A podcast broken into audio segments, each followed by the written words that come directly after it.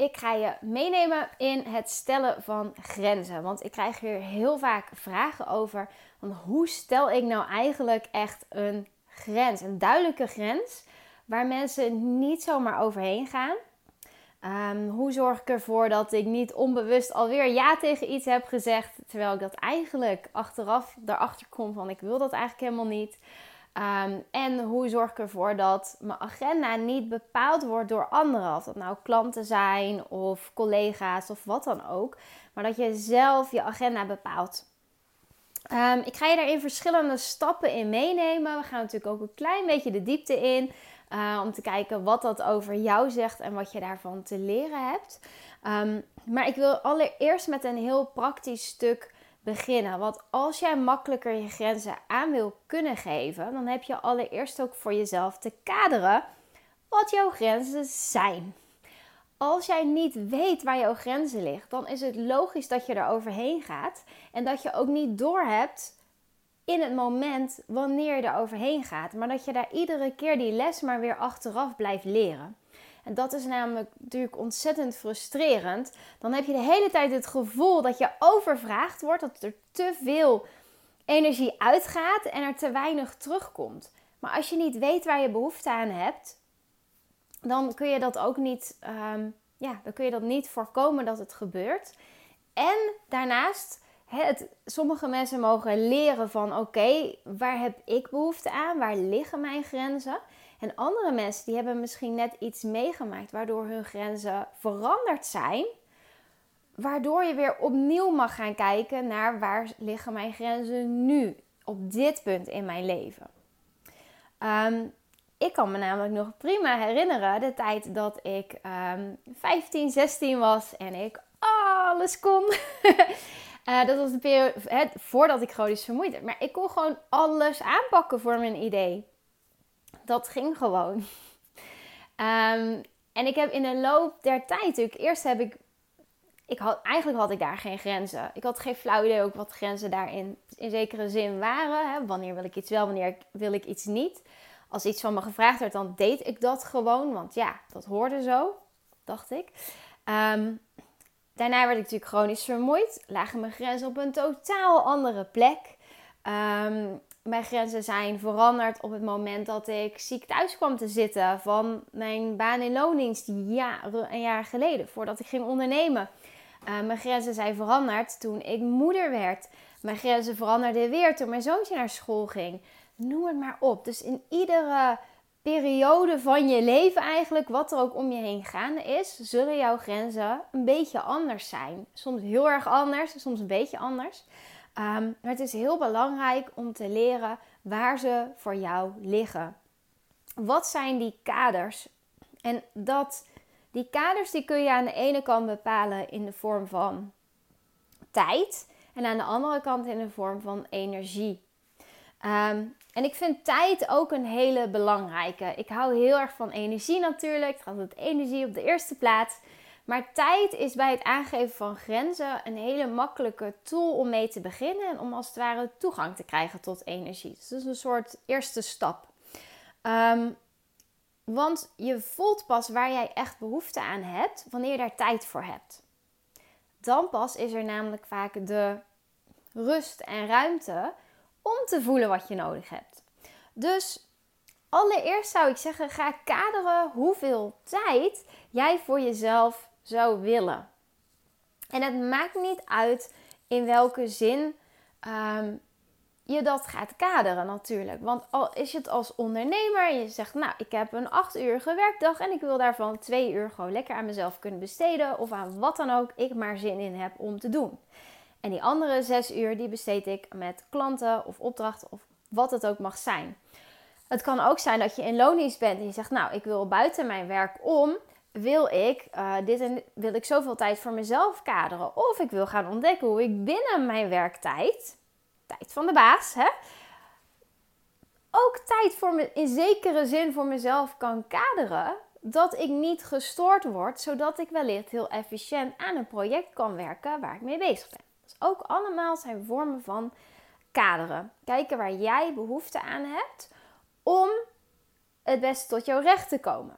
want grenzen die stellen we om uiteindelijk dichter bij onszelf te kunnen komen en meer vanuit onszelf te kunnen leven.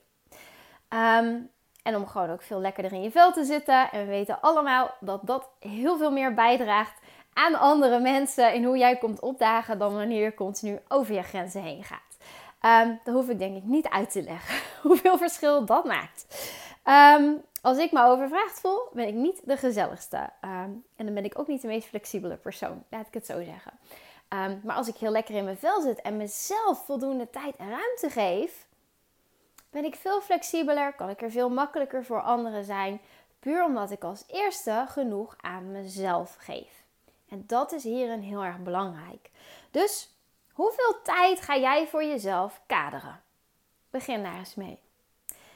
Daarna heb je ook het kaderen van energie. Hoeveel heb jij energetisch nodig? En nou, ik zei het al, daar kom je vaak achter pas wanneer daar een bepaalde hoeveelheid tijd aan verbonden is.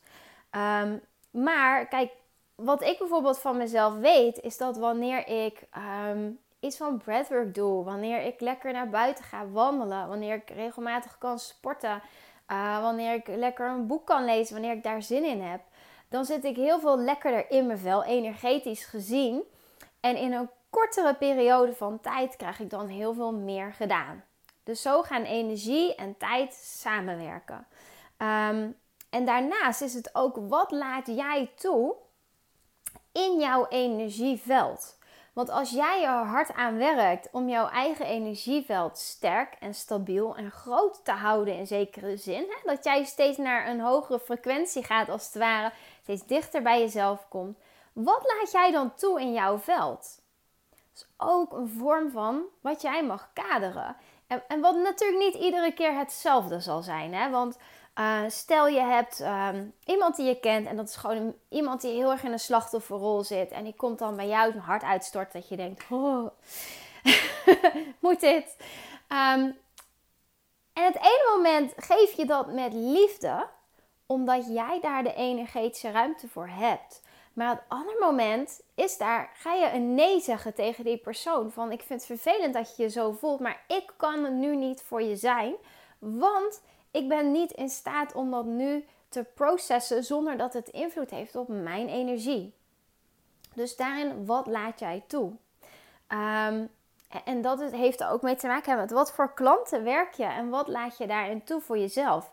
Kijk, de klanten waarmee ik werk qua coaching, um, niet iedereen heeft bewust iets, iets super ergs meegemaakt. Zo. Soms denken mensen dat wel eens. niet, dat, ja, met zwaar getraumatiseerde mensen werk, dat is heus niet per se zo. Um, maar het gaat meer om die subtiele patronen die erin zijn geslepen, uh, gesleten. En daar kijken we naar. We gaan naar de kern daarin. En dat is soms voor iemand een heel rauw en pijnlijk proces. Energetisch vraagt dat van mij best wel wat om daar de ruimte voor te bewaren. Dus wat ik te doen heb, is heel veel grenzen daar om mij heen aangeven, zodat ik goed in mijn vel zit, zodat ik de energetische ruimte voor dat diepe proces van mijn klant kan bewaren. Dus ik heb op andere gebieden energetisch grenzen aan te geven, zodat ik er daar kan zijn waar ik er wil zijn. Want ik vind het ontzettend belangrijk dat ik mijn klant daardoor mee kan nemen. Naar die stukken die pijn doen, naar die stukken die losgelaten uh, mogen worden. Um, wat dat ook voor iemand inhoudt. Um, en, en hetzelfde geldt dat ik ook energetisch grenzen stel in de vorm van geld. Um, in de vorm van, ook in de vorm van tijd. Want dat is ook eigenlijk een vorm van energetische grenzen stellen. Uh, maar, maar wat ik toelaat bij mij. Want ik wil er naast mijn werk ook weer voor mijn zoontje zijn. Ik wil er voor mijn man kunnen zijn. Ik wil mijn gezin ook als diegene opkomen dagen die ik ben zoals ik er wil zijn. Met plezier en enthousiasme, flexibel zijn, geduldig zijn. um, dat zijn stuk voor stuk dingen die ontzettend belangrijk zijn. Dus dat is bijvoorbeeld waarom ik een bepaald tarief reken voor mijn diensten. Um, voor mij voelt dat, kijk, ik geef energetisch in zekere zin heel veel uh, om mijn klant door een bepaald, bepaalde transformatie heen te laten gaan. Wanneer ik dat zou doen voor een, een habbekrat, bij wijze van spreken, dan zou het voor mij in zekere zin niet de moeite waard zijn om dat voor iemand te doen en om al die grenzen te stellen daarin. Dus er hangt een bepaalde financiële vergoeding aan, zodat ik ook verder om me heen ook al die grenzen kan stellen. Ik voel me daar goed bij. Daardoor is die uitwisseling in balans. En daardoor kan ik dat ook geven, kan ik die grenzen stellen, noem maar op. Zo versterken die grenzen elkaar. Dat is uiteindelijk waar je naartoe wil. Dus op die manier kun je voor jezelf kaderen. Eerst kijken hoeveel tijd je nodig hebt, dan kijken hoeveel er energetisch voor jou nodig is. Wat je dan gaat zien wanneer je die kaders gaat stellen, is dat er een heleboel bezwaren in je opkomen waarom je je grens niet mag aangeven of waarom een kader er niet mag zijn. Ehm, ik had vroeger bijvoorbeeld altijd, als iemand iets aan mij vroeg wat eigenlijk over een grens heen ging, dan ging ik tegen mezelf vertellen: Ach, maar ik kan het toch wel doen. Ach, zoveel moeite is het toch niet. Ah, vooruit, kom, hop. Eigenlijk hoorde ik dan mijn ouders voor een deel praten, uh, die mij ook zo benaderden: van ach, dat kan toch wel eventjes. Maar het punt is dat het misschien ook wel even kan, maar je hebt daar omheen niet altijd de ruimte en de tijd om weer terug bij jezelf te komen, waardoor het eigenlijk dus niet kan. Want anders is het bestaat je leven uit even dit, even dit, even dit, even dit, even dit. En voor je het weet ga je volledig aan jezelf voorbij. En is dat oplaadmoment voor jou er helemaal uitgegaan. En dat is echt een belangrijke grens om te bewaken. Ehm, en het kan ook zijn dat je uh, denkt, ja, maar als ik hier een grens in aangeef, dan laat ik mijn klanten in de steek. Ehm, en dat voelt misschien wel zo. Alleen als jij met een lege tank komt opdagen voor je klanten, voor zoveel mogelijk klanten, in hoeverre ben je dan in staat om ze echt goed te helpen? Een tijdje hou je dat wel vol, maar wanneer jij omvalt, dan kun je geen enkele klant meer helpen.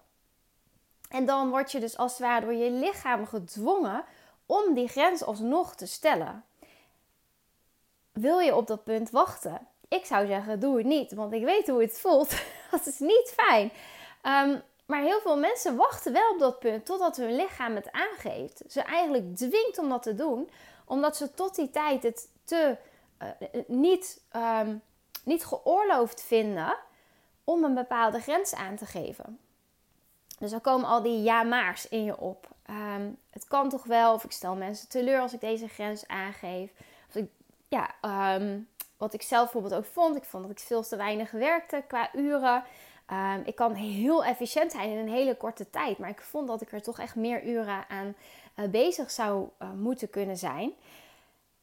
Maar dat, dat was gewoon niet het geval. En ik mocht echt mezelf toestemming geven om inderdaad minder uren te werken. Maar daarin gewoon superveel gedaan te krijgen. En daarom heel lekker bezig te zijn met mezelf opladen. Dingen doen waar ik plezier uit haal. Niet per se iets nuttigs, of tenminste wat maatschappelijk gezien als nuttig wordt ervaren, maar iets wat voor mijn energieveld heel erg nuttig is. Um, dat soort dingen kun je opkomen. Het kan ook zijn dat het gewoon vervelend wordt, omdat je nu eenmaal heel veel mensen wil helpen, uh, omdat je er voor heel veel mensen wil zijn. Maar je kan niet geven vanuit een lege batterij. Als de batterij van je telefoon leeg is, dan doet hij het ook niet. Als je benzinetank leeg is, dan kun je tegen je auto zeggen van kom, doe het. Ga ervoor, dat kan toch wel? Maar hij gaat het echt niet doen. Totdat je weer nieuwe benzine ingooit. En als je er dan een heel klein beetje ingooit, wat we geneigd zijn om te doen, hè, een heel klein beetje opladen, ehm, dan is hij zo weer leeg. En dan moet je weer opladen, weer wachten. Het is veel fijner om vanuit volle batterij te kunnen geven en hem ook vol te houden. En, en daar vandaan gewoon eigenlijk heel veel meer overvloed te ervaren. Gewoon op energetisch gebied al. En dan zie je dat dat op heel veel andere manieren ook naar je toe komt. En het, het probleem vaak bij grenzen aangeven is dat een heleboel mensen die willen dat kunnen verantwoorden dat een grens er is. En ik, wil je ook vragen om daar eens bij jezelf op te letten.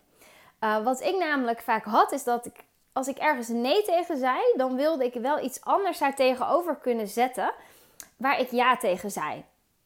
Maar ik vond het dan niet oké als ik dan ja tegen puur mezelf zei. Dat was niet een voldoende geoorloofde reden. Eigenlijk bizar, maar zoveel mensen doen dit. Dus als ik zei nee, ik kan niet, want ik ga aan dat project werken, dan stond er eigenlijk tussen mij en die andere persoon stond nog een project in. Een project wat belangrijk was, wat er mocht zijn. Hè? Ehm, maar als ik zei nee, ik kan niet, want ik heb tijd voor mezelf nodig. Dat voelde zo extreem ongemakkelijk. Alsof ik dat toch echt niet aan mocht geven. Um, dus ik heb daar heel veel in moeten leren. En het is heel interessant om te kijken welke dus van die bezwaren bij jou opkomen. Want die bezwaren die geven eigenlijk aan wat er in jouw onderbewuste gaande is. Hè? Ben je wel goed genoeg wanneer je grenzen aangeeft? Mag je er dan wel zijn? Word je dan wel geaccepteerd? Um, nou, noem het maar op. Ben je dan nog wel van waarde wanneer jij grenzen aangeeft en niet maar de hele tijd meegaat?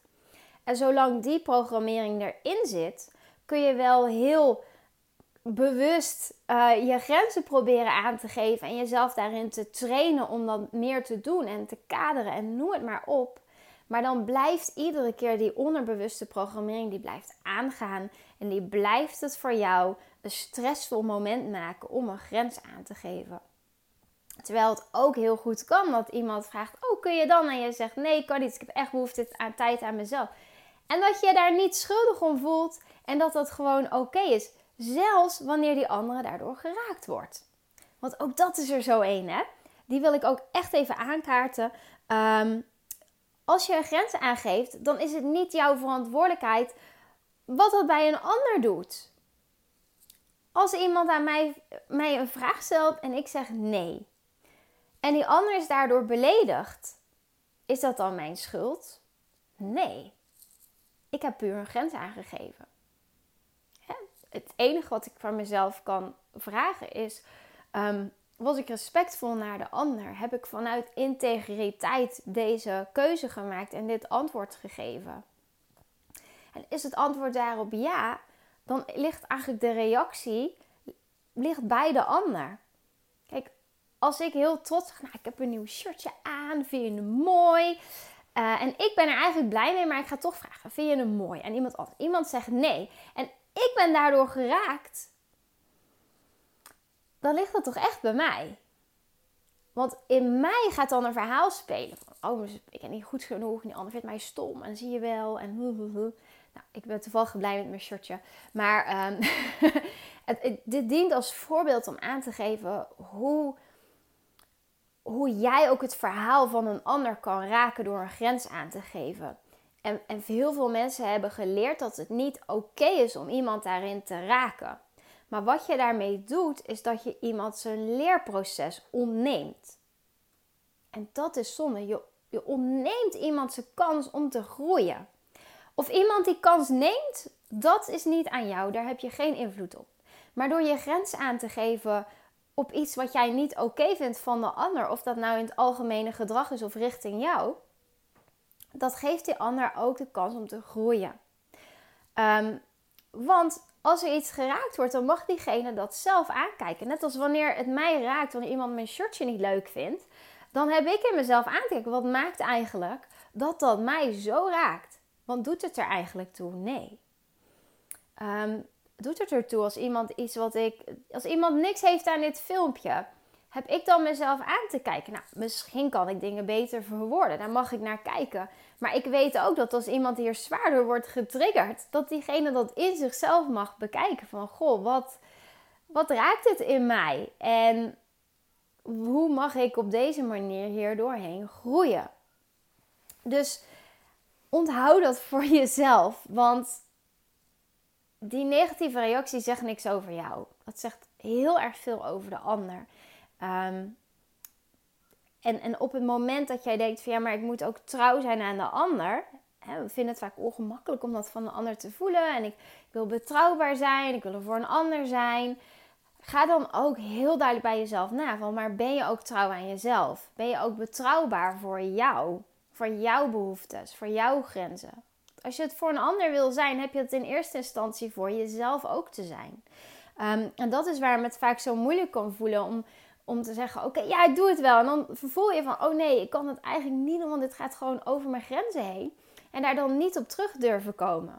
Ja, maar dan ben ik niet betrouwbaar. Oké, nee.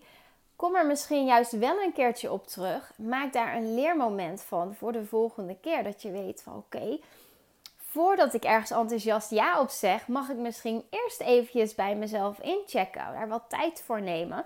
En zeggen van oké, dankjewel voor je vraag. Ik ga hier heel even op invullen of ik dit ook echt wil doen. Voordat ik je mijn antwoord geef. Want nu word ik er enthousiast van. Maar ik weet dat dat bij mij om kan slaan. Dat leer je daardoor.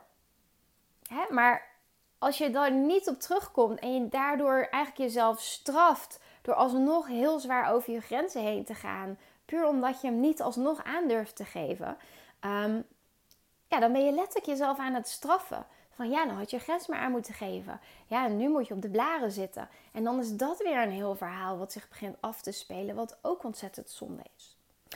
Um, dus dat, dat is heel belangrijk bij het stellen van grenzen. Kaderen qua tijd en qua energie. Uh, nagaan welke ja-maars er in je opkomen, welke bezwaren er zijn, waarom jij het moeilijk vindt om die grenzen aan te geven. Maak daar eens een lijstje van. Welke rode draad kun je daarin herkennen?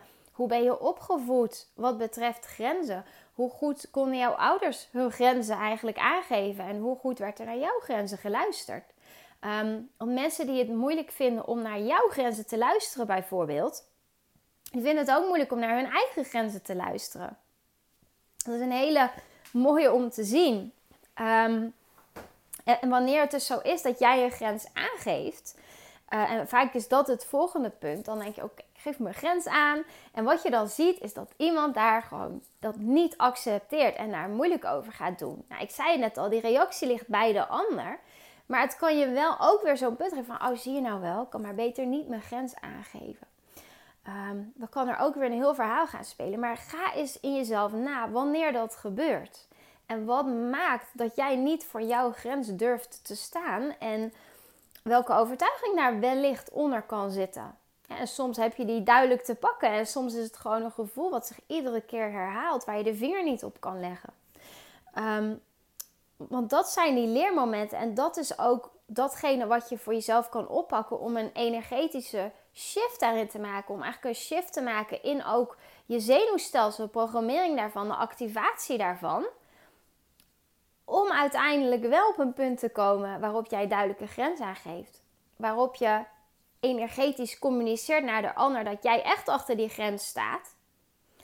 Want dat maakt een heel groot verschil en dat die dan ook geaccepteerd wordt in veel meer gevallen. Um, want stel dat ik niet eigenlijk mezelf weinig waard vind. Eigenlijk mezelf weinig waard zou vinden en ik zou tegen iemand zeggen: Nee, dat komt er echt niet uit, dat kan niet. En dan hoeft iemand eigenlijk alleen maar. En ik vind het belachelijk en lullen. Zo reageren ze dan. Wanneer ik mezelf heel veel waard vind en gewoon sta voor wie ik ben en zeg: Nee, het komt me niet uit op dat moment. Dan is de kans dat iemand zegt: Oké, prima. Veel groter. Omdat die grens er niet alleen qua woorden staat, qua communicatie, maar ook energetisch is gesteld. Um, dus dat is ook iets om rekening mee te houden. Dan weet dat je met die kaders die jij stelt. Ik hou ervan om die kaders eerst breed te maken. Om eerst eens even wat overvloed naar jezelf toe te laten gaan. Als ik een dag van 8 uur heb en ik zeg, nou, ik neem 10 minuten voor mezelf. Oké, dan heb je wat grenzen gekaderd. Maar ga je daar echt van opladen? Misschien niet. Dus daag jezelf daar ook eens een beetje in uit. Kijk eens hoe groot dat kader is, wat jij voor jezelf kan stellen. Kijk of je die grenzen kan stretchen, zeg maar, richting het oncomfortabele. Want dat zijn de momenten waarop je ook al die mooie lessen in jezelf tegenkomt en waar je doorheen kan groeien. Maar die, groot, die bredere kaders, die geven jou ook veel meer mogelijkheden om flexibel te zijn met je grenzen. En dat vind ik echt het leukste wat er is. Want ik heb eerst eigenlijk ben ik moeten gaan van heel weinig grenzen naar heel veel grenzen. Dat voelde ik overal nee tegen zei. En daardoor laadde ik zodanig op dat ik er heel flexibel kan zijn met wat ik geef. Ik vind dat heerlijk. Want ik kan daardoor ook eens voelen van, oh weet je wat? Mijn grens is toch wel lekker. Ik ga gewoon nog wat meer, ik ga nog meer tijd voor mezelf maken. Gewoon omdat ik daar nu behoefte aan heb. Dat voelt heerlijk. En het kan ook de andere kant op gaan. Dat ik eigenlijk zo, um, zoveel energie heb, mezelf zo goed voel. Dat wanneer iemand iets extra's vraagt, bijvoorbeeld een klant. Ik, ik spreek op bepaalde momenten, heb ik gereserveerd in mijn agenda voor klanten. Maar als er dan een klant is die zegt, maar kun je ook bijvoorbeeld op dinsdagmiddag? Normaal maak ik dan geen afspraken. En dat ik dan aanvoel van, ja, ik wil diegene heel graag op dinsdagmiddag helpen. Dan kan ik daar ja tegen zeggen. Wetende dat ik dat met liefde doe. En niet omdat het van het moet, als het ware. Niet omdat ik het gevoel heb van, oké, maar ik kan geen nee zeggen. Ik kan ook nee zeggen, maar ik zeg met liefde ja. Die flexibiliteit, die krijg je dan wanneer je die grenzen meer en meer en meer leert aangeven. En ja, dan wordt het zoveel meer een spel om met die grenzen om te gaan. En daar eigenlijk te kijken, wat heb ik nodig om op te laden? Wat geef ik heel graag? En wat krijg ik dan weer terug? En dat is echt heerlijk om te ervaren. Um, als allerlaatste wil ik je ook nog even meegeven hoe je zo'n grens kan communiceren. Want ik weet dat een hoop mensen daarop vastlopen. Ik zag daar een hele mooie tip over, namelijk. Um, ik kan het niet laten om die ook toe te voegen. Ehm, het, sommige mensen die vinden het heel lastig om een grens te uiten, zeg maar. En dan komt er een heel mooi verhaal met de strikken omheen, waar je eigenlijk niet echt een grens uit op kan maken, maar ze hebben een poging gedaan. Um, en een hoop mensen gaan daardoor, omdat het niet duidelijk is gecommuniceerd, alsnog over de grens heen. Um, dus je hebt eigenlijk groene grenzen, je hebt oranje grenzen, je hebt rode grenzen om aan te geven qua communicatie. En stel, ik ben op een verjaardag en iemand die biedt mij een, um, een, een taartje aan. En ik heb echt geen zin in dat taartje. Of misschien een glas, uh, glas wijn, terwijl ik, niet, terwijl ik geen alcohol drink. Um, dan zou ik kunnen zeggen van... Goh, wil je, wil je een stukje taart? En uh, dat ik dacht, nee, dankjewel. Ik heb echt geen zin in taart vandaag. Maar het ziet er heerlijk uit. En, uh, maar ik laat hem aan me voorbij gaan. Dat is een groene grens. Je hebt het hartstikke aardig gezegd. Je hebt zelfs nog een compliment gegeven over de taart. Je hebt gezegd hoe je je voelde. Uh, en dat je er geen zin in hebt. Je hebt vriendelijk de uitnodiging afgeslagen voor een stukje taart. Als iemand dat niet accepteert, dat, ah, toe nou. En je moet ook niet bang zijn dat je dik wordt. En heb je niet gezegd. Dat is de conclusie van die persoon. Je had gewoon geen zin in taart. Kom nou, neem nou. Ik heb, zo, ik heb met zoveel liefde staan bakken. En ik ben hier uren voor in de keuken gestaan. En dan probeer je een soort schuldgevoel aan te praten. Dan ga je naar je oranje grens. Nee, dankjewel. Ik hoef geen stukje taart. Ik zie hoeveel tijd je hier aan hebt besteed, maar ik hoef echt niet. Prima. Nog duidelijker geweest. Je hebt een nee aangegeven. Wanneer ze dan nog steeds moeilijk doen, dan ga je naar je rode grens. En dan kun je bijvoorbeeld zeggen: Nee, ik hoef geen taart. Ik zou het fijn vinden als je hierover ophoudt. En als je er niet over ophoudt, dan kies ik er liever voor om naar huis te gaan.